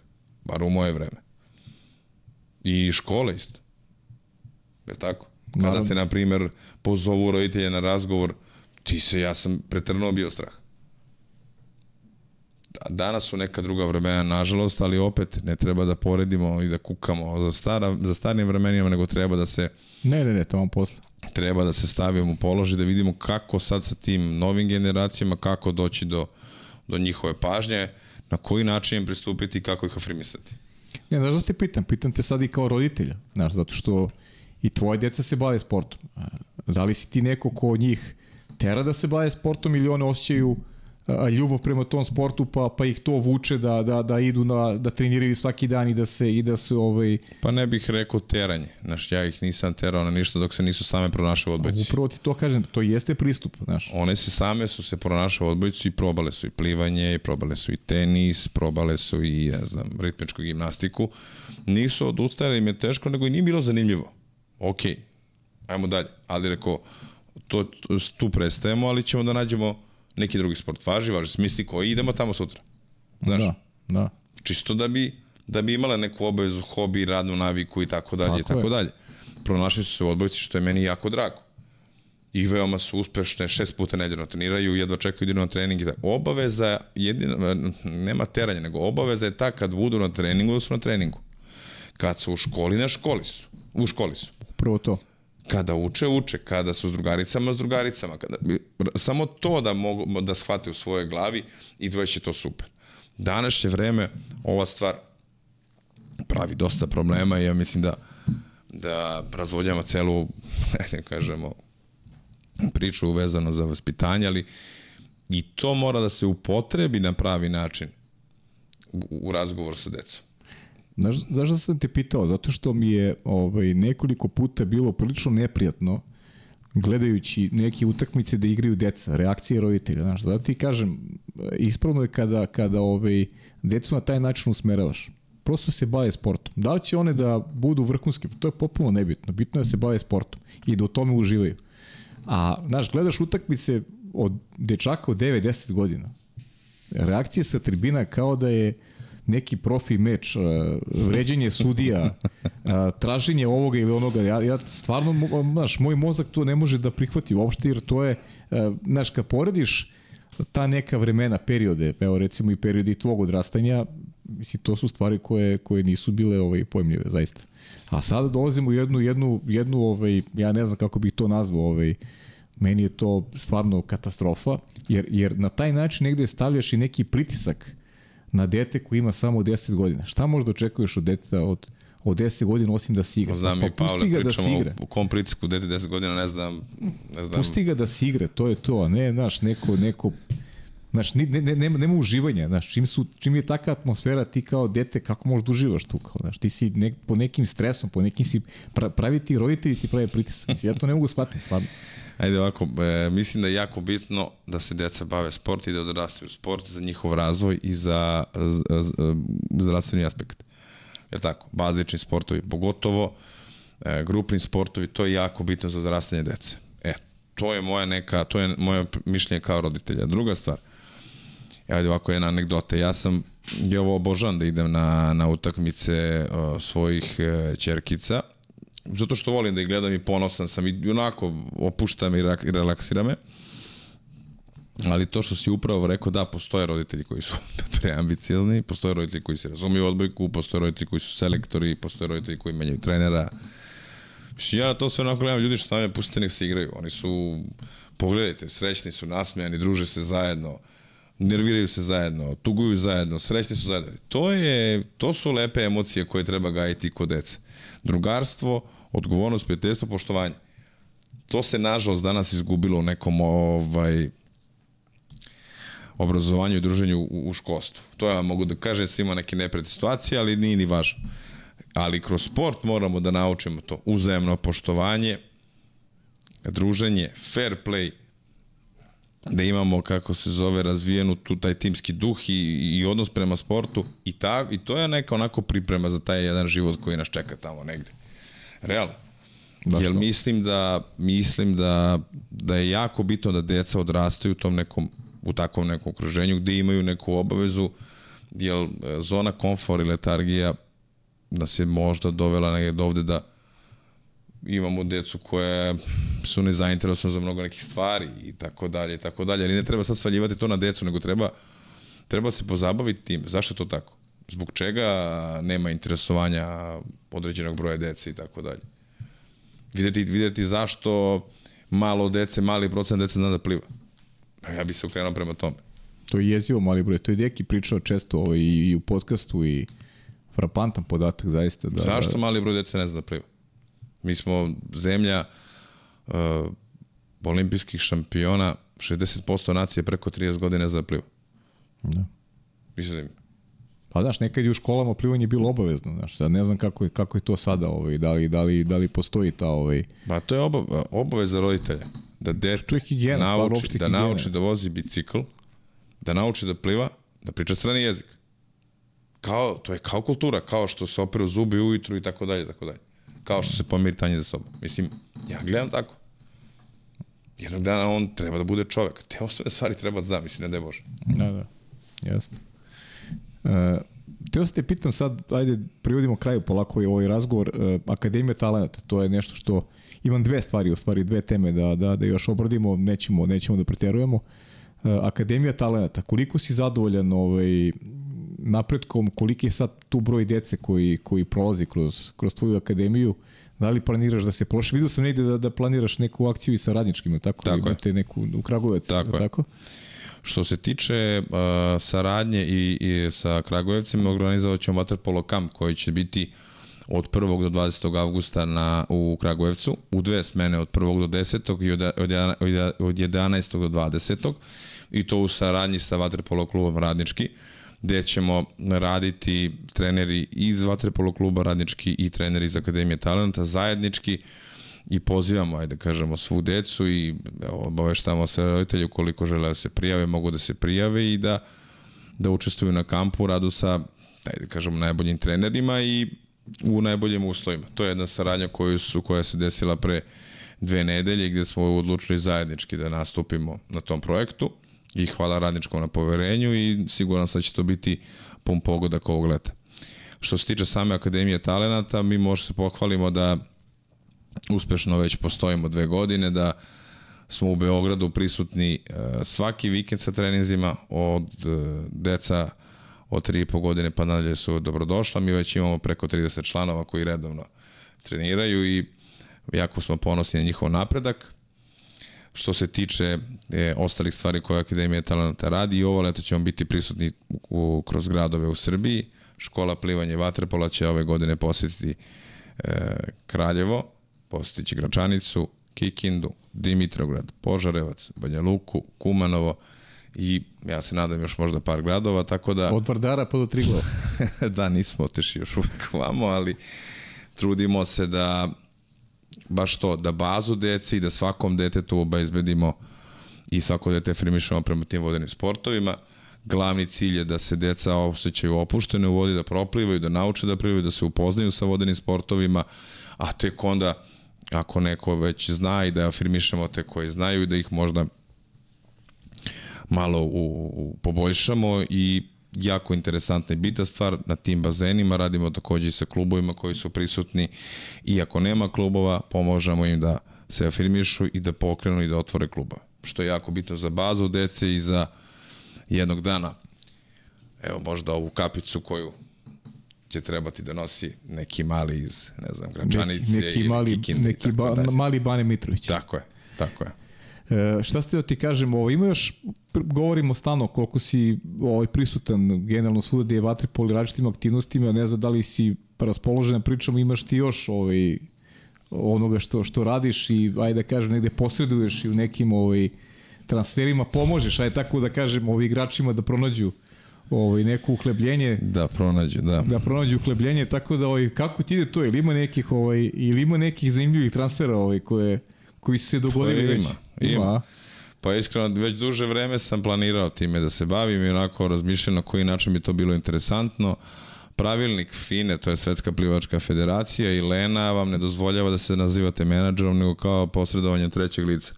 Tako da mi smo u tom slučaju prosrednici i e, Akademija talenata se bavi i time. E, dovodimo igrača i klubu u idealnu situaciju da potpišu ugovor. Eto, to je neki onako naj... Kako to lepo zvuči. Da, najlepši i naj, najkraće ovaj, objašnjiv, objašnjiva situacija. I za sada imamo preko 20 igrača potpisanih, uspešno smo e, prošle sezone potpisali njih 8, 9. Ove sezone imamo još novih članova potpisnika i vidjet ćemo koliko ćemo ove godine uspeti da njima da nađemo gažmana. Sve to se radi u, u, u smislu da, da se razgovara sa klubom, da se približi kvalitet igrača, da se igraču približi kvalitet i ciljevi kluba i tako dalje i bukvalno posredujemo između igrača i kluba i spajamo spajamo ono što klub i igrač hoće. Tako da kažem, e, interesantna je stvar. Jeste interesantne stvari. Još sam jako srećan i ponosan jer smo napravili te ugovore da budu nalik e, u velikim sportovima, pre svega misleći na košarku. E, sad ćemo da ubacimo još jednu interesantnu stvar. Jedna velika osiguravajuća kuća hoće da nas isprati u tome, tako da eto, bit će izbrinuti ti naši klijenti koji žele da nastupe u klubovima preko, preko nas. Dobro, i za muški i za ženski vaterpolo, tako? Tako je, tako da. je, tako je. Pa dobro, nisi mi rekao, kad mi daj, reci neki transfer zanimljiv. transfer blama. Transfer, ne, blama, nego transfer prelaska. Pa dobro, evo, na primjer, sad razmišljam da li neko da pomenim, ne, znaš. Ne, pa dobro, nemoj onda ako, nemoj, nemoj. Ne, znaš, razmišljam, zato što otku. Nije obele, do, Znaš, da će okay, da ga nešto naš pozove i tako dalje, ali evo... Ako nije, ako nije predstavljeno... Možemo da se pohvalimo prošle godinu. Aj, Primer, ajde, bravo, može. Šta je bilo, Pješevac iz Zvezde u Tbilisi, Radulović koji nije imao klub igrao za Faliro, možemo da se pohvalimo. Petar Mijošković koji igra za Quinto, možemo da se pohvalimo. Lazar Vićković koji igra u Apolonu, e, možemo se pohvalimo. Uroš Vasić koji igra u Sentešu, e, Evgeni Kastrov koji je došao iz Rusije igra za Partizan. Da, golman. Da, možemo da se pohvalimo i samo sekund. Uh, stavim mozak, izvini, molim se. Nema veze, da. nema veze, okej, dobro, do, dovoljno si, dovoljno si rekao, okej, dobro. Biće, ostao si dužan za drugi put ovaj da kažeš šta je bilo Listu, ovaj da, da. da. Dule Marković te pozdravlja, nije se snimio, ali ovaj posle pitanja. Kaže, da li može da nam ispriča malo o noćnom životu u Moskvi? A zato se nije ni snimio, da ne bi pitao ruskom. da, verovatno. pa dosta je hladno u Moskvi. Dobro. Dosta je hladno, treba da se obučete. Kapa, jakna, sve i tako dalje i ne treba, ne može dugo se stoji na polju i tako da nisam puno izgledao dok je bilo hladno. Uh mhm. -huh. O, lepo. Kako se snašao u Atini i da li sebe vidi tamo u nekim drugim ovaj, karijerama? Pa iskreno sebe vidim u Grčkoj, da. To smo možda čak i nekad pričali, ali Jesmo, da. onako da. poteno mi je ta želja uvek Ne, znam, znam da si ostavio tamo i da imaš, ovaj, da, da te poštuju puno i da voliš Grčku, to, da, to sam... i negde onako razmišljam da tamo i jedan period svog života sigurno nastavim da živim. Je tako? Tako da, neću kolega još uvek, ali u bliskoj budućnosti sigurno. Uh mhm. -huh. I kaže, treći, koji klub planira da upiše svog naslednika i u koji sport? Nikola je skoro postao tata. Da. Treći put. Rodio se sin. Tako je. Čerke su već velike. Da, čerke su već velike, starija ovaj, upravo završava prijemne ispite, upisuje srednju školu, mlađa je završila sedmi razred, u, sad će osmi, a imamo ovog najmlađeg Alekseja Rađena koji ima 3 meseca i 12 dana i ovaj, porasto je, boga mi, baš, baš puno, ima 7 kila i 65 cm, tako da, Rekao bih je na ako nastavi tako, sledeće godine ćemo šaljem u vojsku, mislim. Šalim se. Šalim se. A iskreno, mnogo sam ponosan na, na, na, i na svoje čerkice i na svog sina i želeo bi da on jednog dana da izabere sam šta hoće.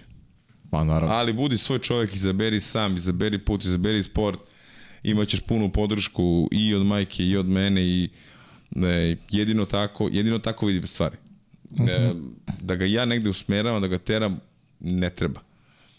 Znaš, već dovoljno će bi imati breme prezimena, tako da može pošalje neki, da nam može podržati neki drugi sport. A misliš da definitivno to breme ovaj, prezimena pravi problem ili, ili prosto za one koji su dovoljno dobri da, da, da ovaj, ne predstavlja ovaj neki... Pa kada, kada na primjer, dečici koje nose to, ajde, zvučno prezime ide dobro, onda je to okej. Okay. Uh -huh. Kada se nešto desi, uvek se to koristi kroz neki negativan kontekst, nažalost, ali to je tako. I e, mislim da mislim baš zbog toga da on treba sam da bude da da izabere svoj put i da sam da samo jača ne bili nije bili morao da uvek e, da se gleda kroz ne znam uspeh oca, majke i tako dalje. Da. Ja na primer ja imam direktno tu taj primer sa svojim rođenim bratom gde on uvek naš želeo da bude vaterpolista kao ja i uvek su ga svi gledali kroz mene i zbog toga mu je dosta i bilo i teško u tom bavljanju mm -hmm. profesionalnom vaterpolom i gde smo obojice razgovarali baš 2017. Kada je došao, kada je, ne, ranije 2015. kada je ono, završio karijeru u Izraelu, igračku, rekao da da se vraća, da se ne vraća, rekao budi trener, kreni već da se profilišeš na taj način, na vreme si počeo, znaš dovoljno za osnove i radit ćemo zajedno i tako dalje i ako sam ponosi na njega što je on danas selektor Novog Zelanda ispod 20 godina. Možda to nekom ne zvuči kao velika stvar, ali meni je to jako, jako bitno, jako sam ponosan i uspeo je da se sam izbori za to. Otisnuo se u Novi Zeland pre 5 godina, dosta ga cene i poštuju i sad je tamo jedan od vodećih ljudi što se tiče trenerskog posla na Novom Zelandu. Ajde, pitaću te još, još samo jednu stvar, pošto ideja mi je bila ovda, pošto si ti ovaj, ovde domaćin, nisi uopšte gost, ali prosto sam želeo da, ovaj, da stavimo nek, neku ruku i tačku na, na tvoju karijeru. Ovaj, nisam želeo da mnogo uplićemo ovaj, neka, neka posebna a, pitanja. Kaži mi još za kraj taj komentatorski posao, ovaj, a, ili ima nešto što što zameraš ovaj, možda meni, što ti se nešto ne dopada ili, ili ima nešto mi se da treba popravimo u nekom ovaj, budućem radu i, i, i koliko ti ovaj, Kakve su reakcije uopšte, ajde, priča sad javno, refleksije na ono, na ono ovaj, što zajednički radi, ovaj konkretno novi turnir Lige šampiona ovaj, u Beogradu? Pa prva stvar, hvala tebi što smo se spojili. Eto, prvo hvala tebi, hvala i Nemanji, hvala sport klubu što su mi ukazali poverenje sebe nikad nisam mogao tako da zamislim, ali neverovatno mi je bilo prijatno i neverovatno mi je bilo onako udobno. Ajde, prvo je bio Darko, prve godine je bio Darko, no, tako, da, tako, turniru, tako smo počeli da bi onda uskočio s tobom i evo i dan danas se ne razvijemo, što možda i nije dobro, ali dobro i nije važno. ovaj, meni je, meni je jako prijatno, meni je sve super, osim kad ne moramo da radimo tri utakmice za redom i kada ti iskačeš iz kabine, bežiš, a ja nastavljam sam i tako dalje. Ovaj, voleo bih da uvek imamo dve stolice u kabini nas čeka i da nam ne šalju slike i pravila tokom utakmice. Da. Jer smo, koliko smo puta dobili poruku i ti i ja, e, ipak nije dva metra, to, znaš, hvala na sugestiji. Da.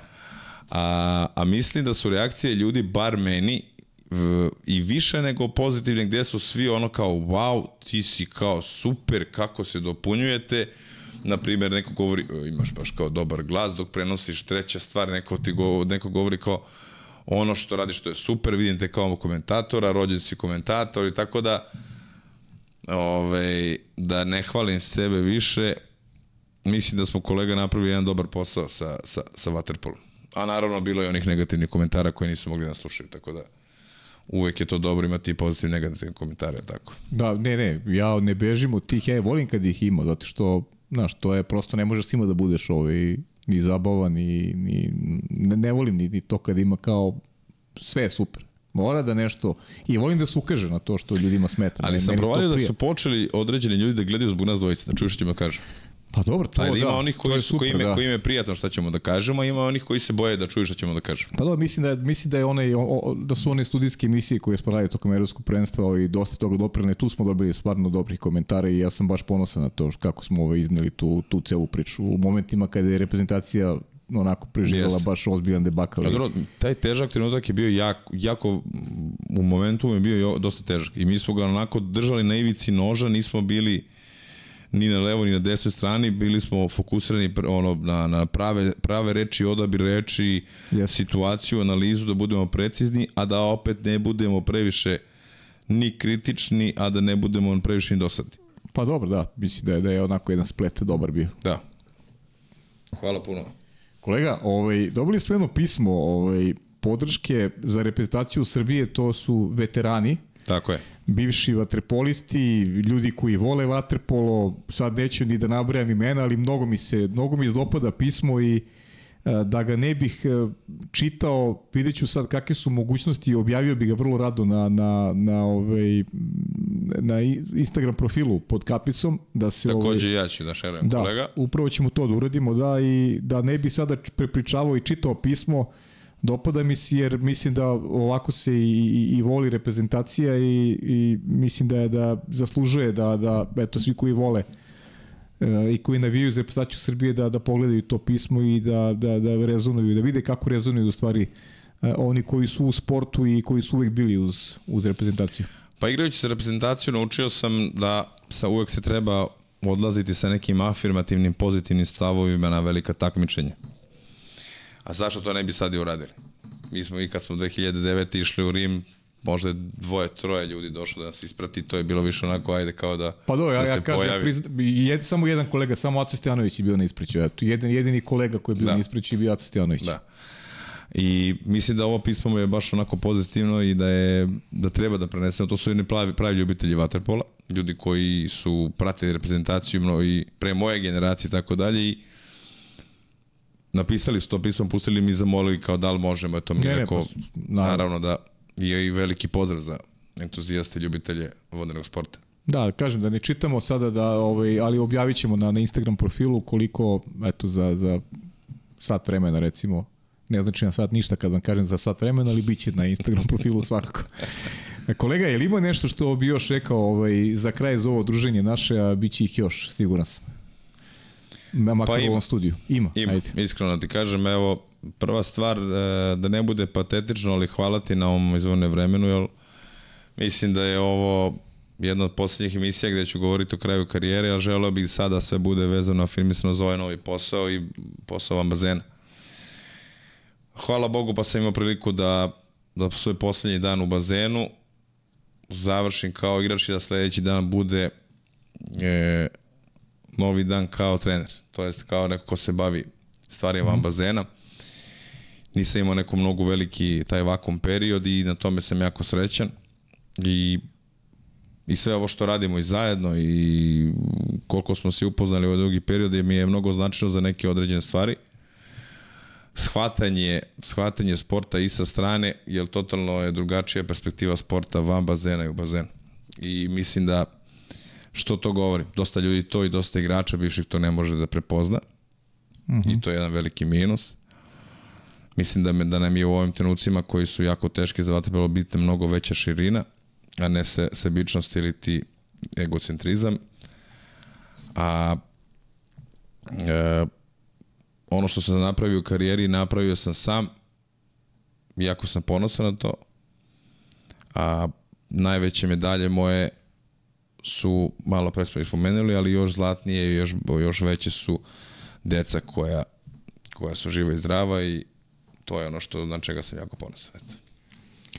Ništa, želim ti ovaj, želim i tvoje porodici da, da, da budu zdravi i srećni, deci da izaberu svoj put koji kakav god neka, neka ih prati sreće i ovaj, ko zna, možda će neki rađen da sedi tu ovaj, u toj stolici i da priča o vaterpolu, ko zna, vidjet ćemo da, rekao kako sam, rekao sam, pošto smo nešto sa ćerama priča, i, ovaj, i sada one kao, pitaju kako olimpijada pregledaju i tako dalje, pošto obožavaju odbojku, rekao ništa, idete na olimpijadu, tata ide sigurno s vama.